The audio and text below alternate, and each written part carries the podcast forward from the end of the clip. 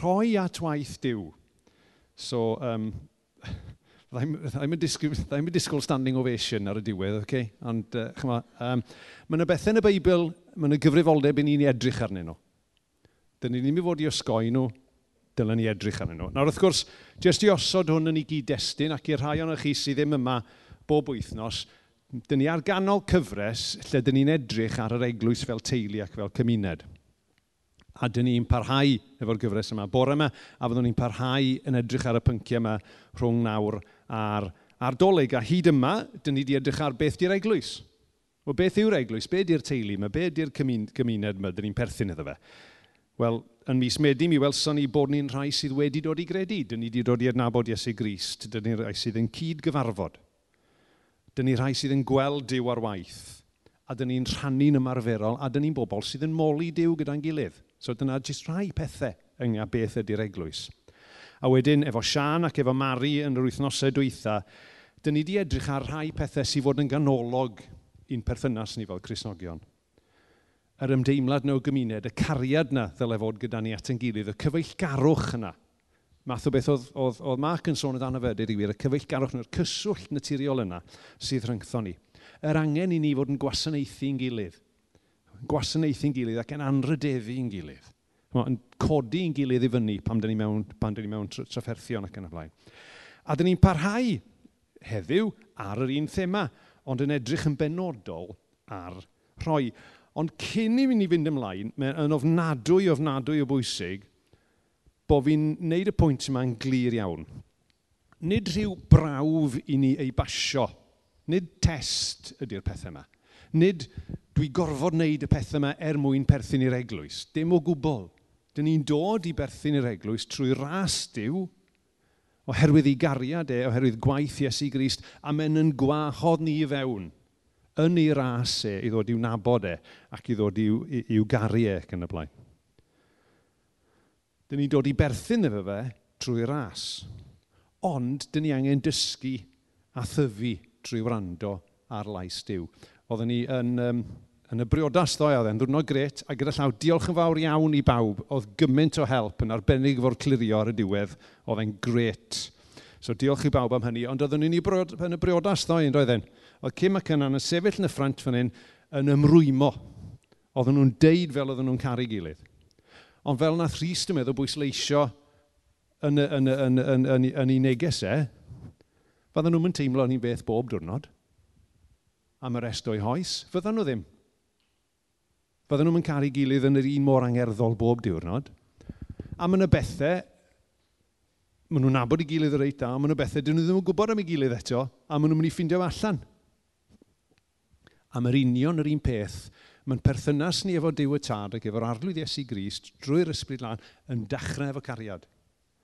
Ond wedyn, dyn ni angen dysgu a tyfu a dod i'w nabod e'n well a gweld be mae eisiau ni wneud. A dyna be dyn ni'n neud yn fan hyn.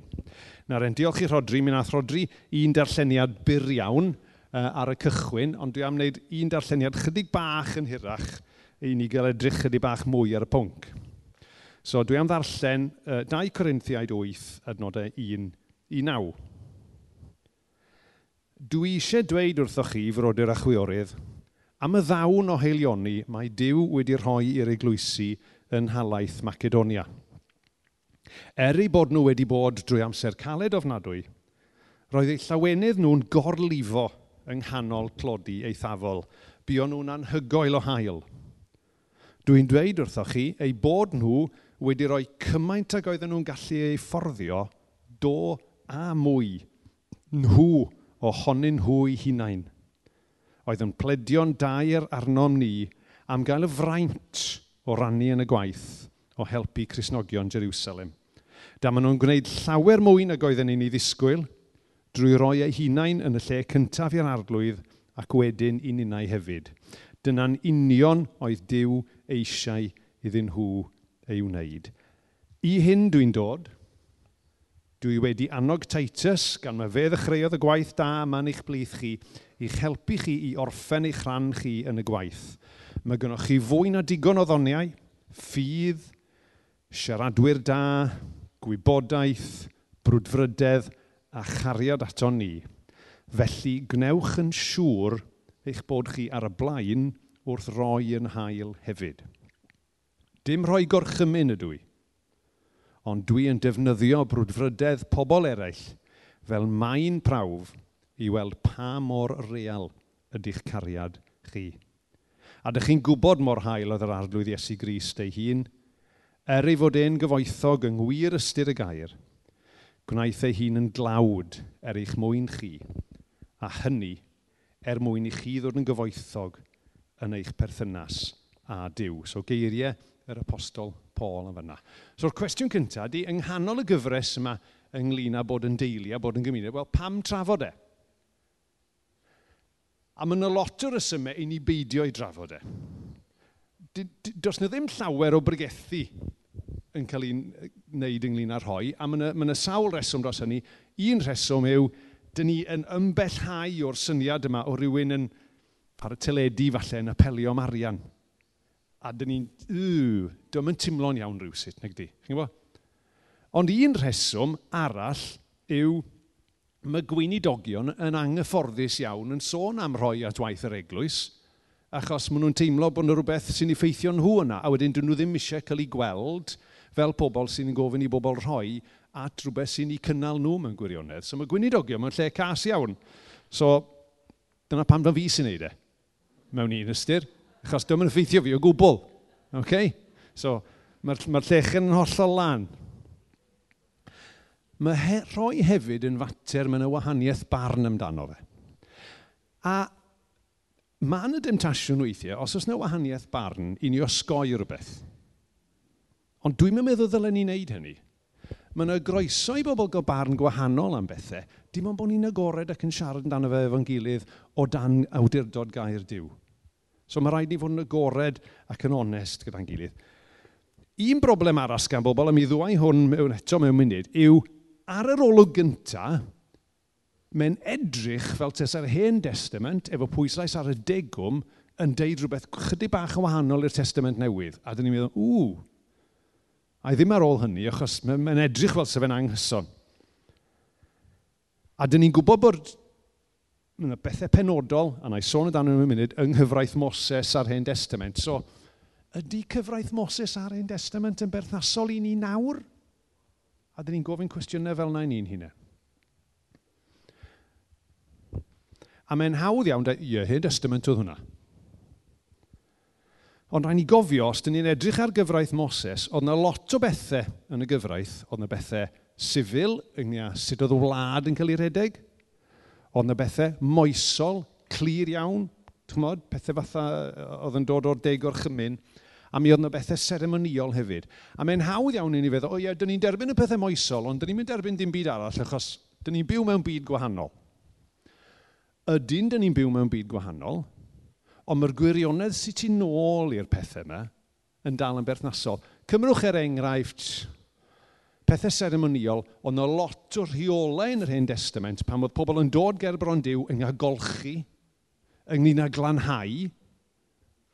Nawr, yn dewch i'n hoes ni, a dydy'r pethau golchi na glanhau ddim yn berthnasol. Ond be oedd y pethau yn pwysleisio oedd pan ydych chi'n dod at ddiw, ydych chi ddim yn dod ar chwarae bach. Pan ydych chi'n dod at ddiw, ydych chi, dyn ni fod yn lan. Ac wrth gwrs, beth ydyn ni'n gweld yng ngoleini gwaith Iesu Grist yw fod e wedi gwneud y glanhain y drosto ni. So mae'r gwirionedd dan yn sefyll. Ond ydyn ni'n dehongli fe nawr yng ngoleini gwaith Crist.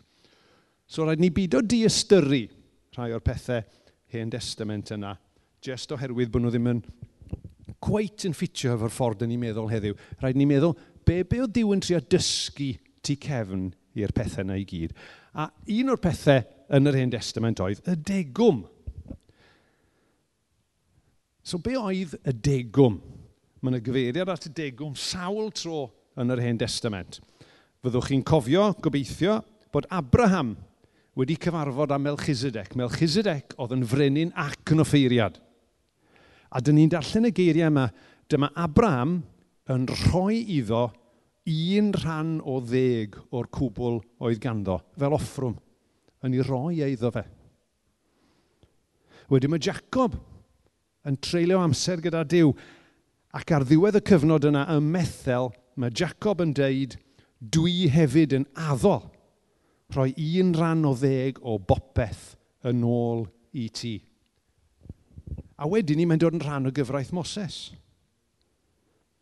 Dyna ni'n darllen y geiriau yma. Yr arglwydd sydd bia un rhan o ddeg o bopeth yn y wlad. Mae'r lefiaid i gael y degymau fydd pobl Israel yn ei cyflwyno yn offrwm i'r arglwydd. So oedd yr offrymau yma yn cynnal yr offeiriaid. Dyna be oedden nhw'n da yn yr Hen Testament.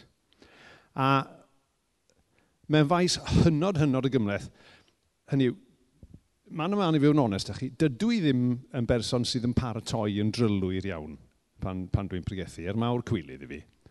Ond, mi nes i wneud lot o ddarllen ar hwn, a mi, mi nes i brynu llyfr penodol. A pan ydych chi'n edrych ar y manylion, gosh, mae'n confusing.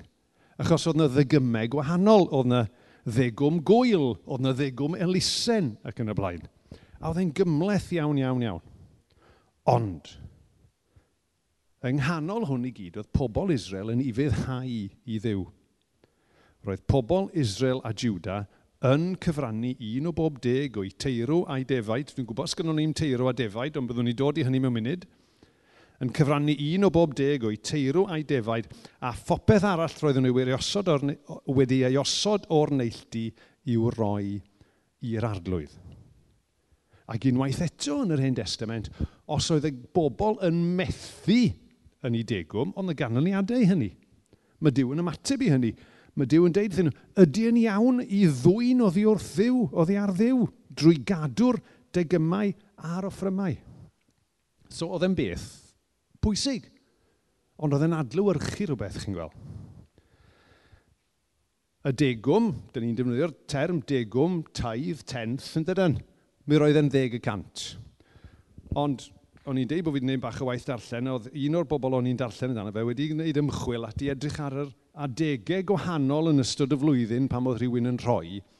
A oedd nhw'n rhoi 10 cant fan hyn, a wedyn 10 cant yn fanna, a rhywbeth arall y cant yn fan hyn, ac yn sydyn oedd actually'n 23 cant o be oedd y bobl wedi cael yn gynnyrch y tir ac yn y blaen. A oedd nhw ar y degau gwahanol. Ond dyna bach o hanes, Sean yn, wedi cael llombol ar hanes yn barod, dwi'n meddwl, yn coleg. Ond dyna bach o hanes i ni o'r, or, or, or, or, or hyn testament. So be am y testament newydd? Dyn ni'n goffa gofyn i'n hunain, ydy'r ddysgeidiaeth yna yn berthnasol nawr? Ydy'r ddysgeidiaeth yna yn berthnasol i'r testament newydd ac i'n hoes ni? Mae'n ychydig ond dim llawer o sôn yn y Testament Newydd, mae yna rhyw gyfeiriad aneglur yn Hebreaid 7 am y croeso i chi os ydych chi'n deall hwnna i esbonio hwnna i fi, achos dwi ddim yn ei deall, e, at Abraham a Melchizedek. So, dyn ni'n goffa gofyn i'n hunain, so be mae'r Testament Newydd yn ei? Ydy e'n anwybyddu'r degwm? Neu ydy e'n cymryd y degwm gan i atawol? Sicr, dwi e ddim yn ei ddiddymu e i bob golwg. Does na ddim gorchymyn penodol yn y Testament Newydd, Dyd i gwir, dyn ni newydd arllen geiriau Paul yn yr ail ythyr at yr Corinthiad, yn deud, dim, gor, dim rhoi gorchymyn i chi ydw i. Mae'n deud hynny, dwi e ddim yn orchymyn. Dyn ni hefyd yn gwybod bod Iesu yn beirniadu dy gymudeddfol. Chos beth gynnwch chi oedd dosbarth o bobl y pharisiaid yn, yn, yn ddeddfol am i digymu, ond oedd ddim tamed ots dyn nhw am beth eraill, cariad a y a cyfiawnder, Dyna ni darllen y geiriau hyn. Dych chi'n ofalus iawn gyda rhyw fanion fel rhoi un rhan o ddeg o bopeth sydd gynnwch chi i ddiw, ond dych chi'n esgeiluso byw yn gyfiawn a charu diw. So, dyn ni'n gweld fod Iesu yn beirniadu edrych ar y peth yn ddeddfol a anwybyddu pethau eraill. Ac wrth gwrs, trwy'r testament newydd, be dyn ni'n cael ydy yr egwyddor yma bod ni sylweddoli fod pob dim sgynnon ni, popeth, ddim jyst degfed rhan, mae pob dim gynnon ni yn rhodd gan ddiw. A dyn ni yn stiwardiaid. Dyn ni'n gyfrifol am y be dyn ni'n gwneud o'r cyfan dyn ni'n cael gan ddiw. A mae hwnna'n bob dim. Holl roddion diw, yn doniau ni. Dyn ni wedi derbyn doniau gan diw, sut dyn ni'n defnyddio'r heina? Dyn ni'n cael amser gyda fe. Sut dyn ni'n defnyddio hynna? Dyn ni'n cael adnoddau gyda fe. Sut dyn ni'n defnyddio hynna? Dyn ni'n cael arian gyda fe. Sut dyn ni yn defnyddio rheina? Dyma rai egwyddorion dwi'n meddwl bod ni'n gweld yn weddol glir yn y Beibl. Dyn ni'n gweld patrwm. Pobl yn gweld daioni diw ac eisiau ymateb. Am hwnna'n beth naturiol yn dydy. Mae rhywun yn hael tuag at ni a mae'n denu rhywbeth yno ni. Mae'n mynd reit nôl i Cain ag Abel. Reit nôl i'r dechrau. A mae'n ddiddorol pan dyn ni'n edrych ar y rhoddion hynny, wrth gwrs oedd un, roddion yn dder, un rodd yn dderbyniol a'r llall ddim. A dyn ni'n gofyn pam. A mae'n lot o bobl yn trafod pam, ond un o'r resymau oedd oedd, y colonne, oedd, oedd eu colonnau nhw'n wahanol. O sut oedden nhw'n teimlo pam oedden nhw'n rhoi yn wahanol. Dim rhyw slot machine ydy hwn, lle dyn ni'n rhoi'r beth i fewn a dyn ni'n gybendiff diw yn ôl. Mae eisiau rhywbeth mwy. Mae eisiau'n calonau ni. Mae eisiau rhywbeth llawer, llawer mwy na hynny. Mae pa mor barod ydyn ni i roi yn adlywyrchu lot o bethau.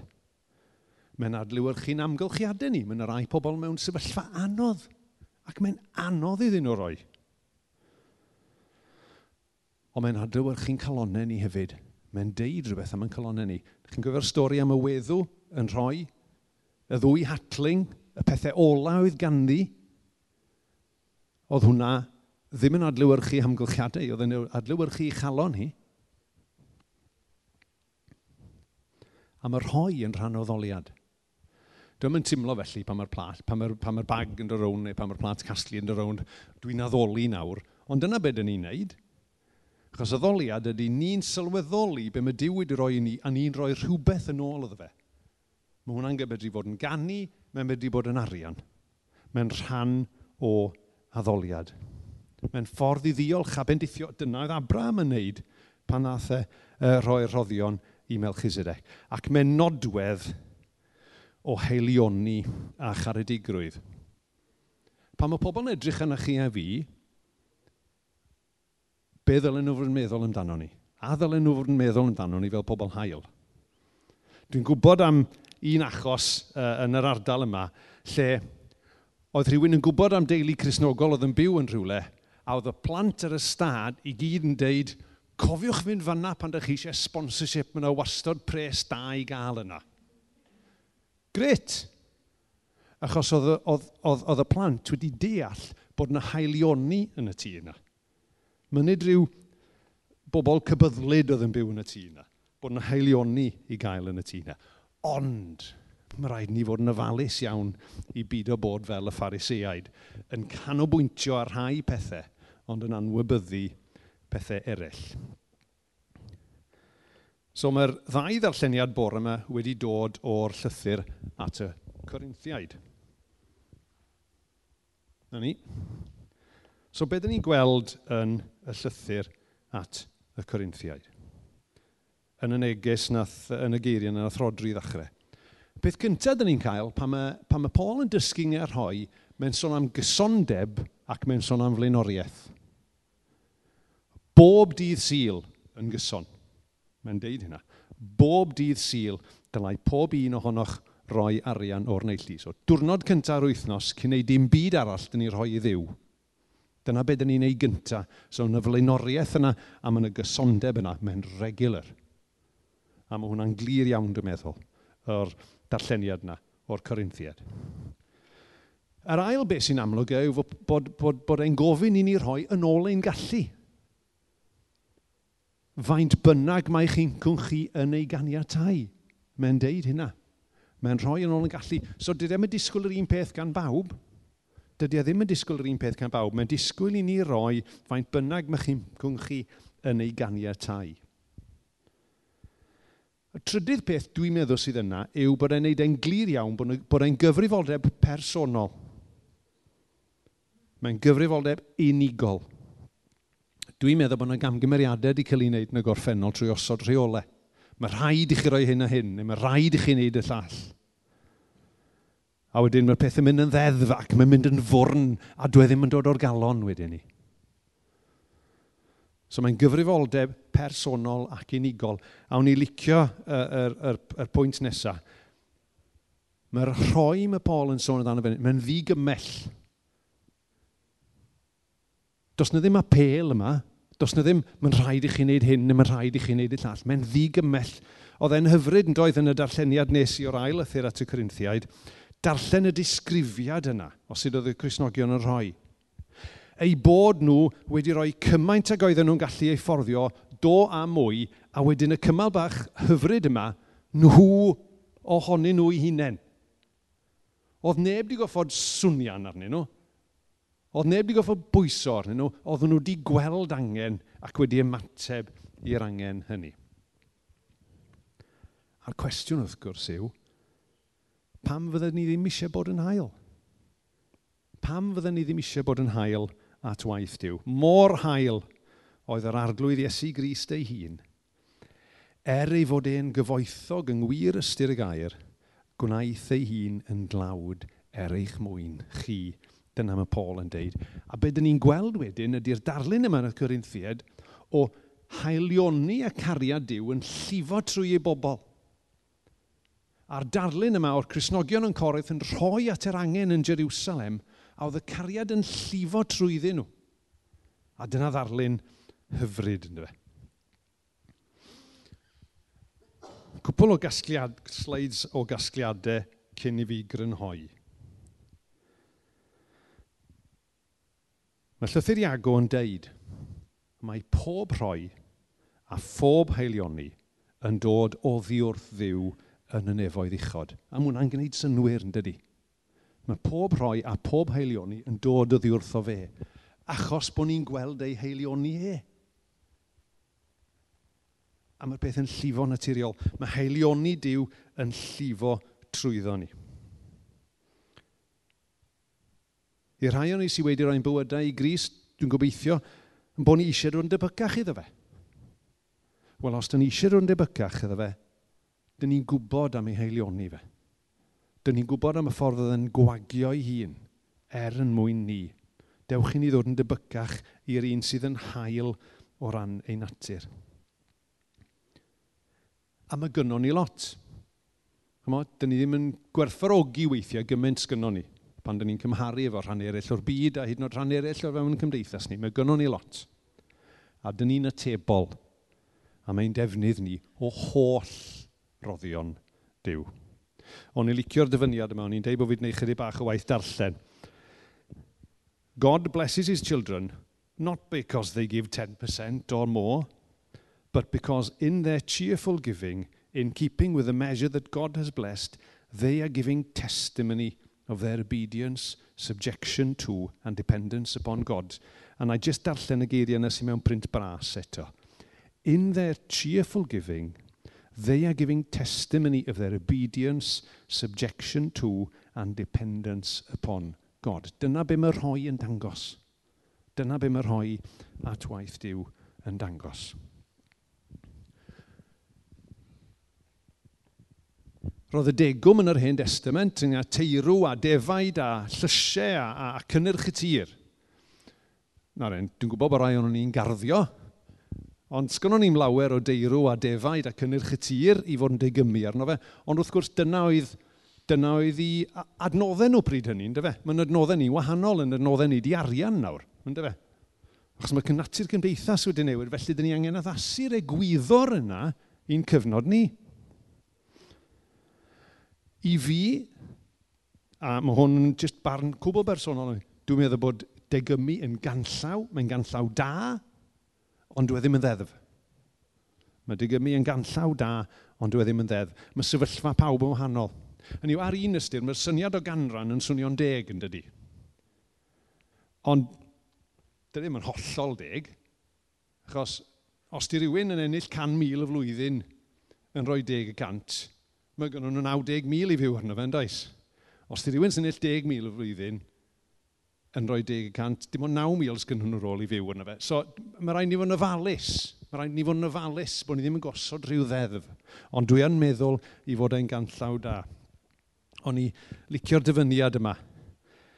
Hynny yw, dwi ddim yn gymaint ynglyn â'r canllaw, mae ynglyn â'r galon a beth sy'n tu ôl o fe. Y dyfyniad yma gan Campbell Morgan. I know men today who have no business to give a tenth of their income to the work of God. They cannot afford it. A mae'n sôn wedi bod yn bobl glawd iawn iawn fel yna. I know of others who are giving one-tenth and the nine-tenths they keep is doing harm to their souls. Rather than 10% belonging to God, 100% does. So mae'r cyfan sgynnon ni'n perthyn i ddiw, stiwardiad ydy ni. Ond y nod ydy, haelio ni.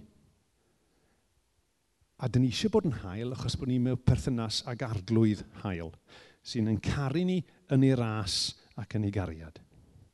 Ac felly mae rhoi yn dod o'r galon. Mae rhoi yn dod pan dyn ni'n deall beth yw'r angen. Mae rhoi yn dod yn ôl yn gallu ni. A mae rhoi yn hael.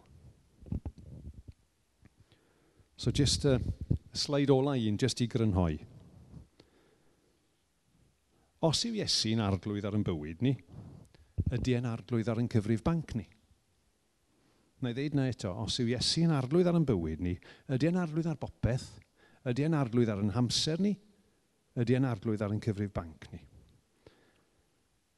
Fel dwi'n deud, dwi'n meddwl bod y degwm yn ganllaw da, ond dwi e ddim yn ddeddf, ond mae'n lle i ddechrau, a mae'n lle i ni feddwl amdano fe.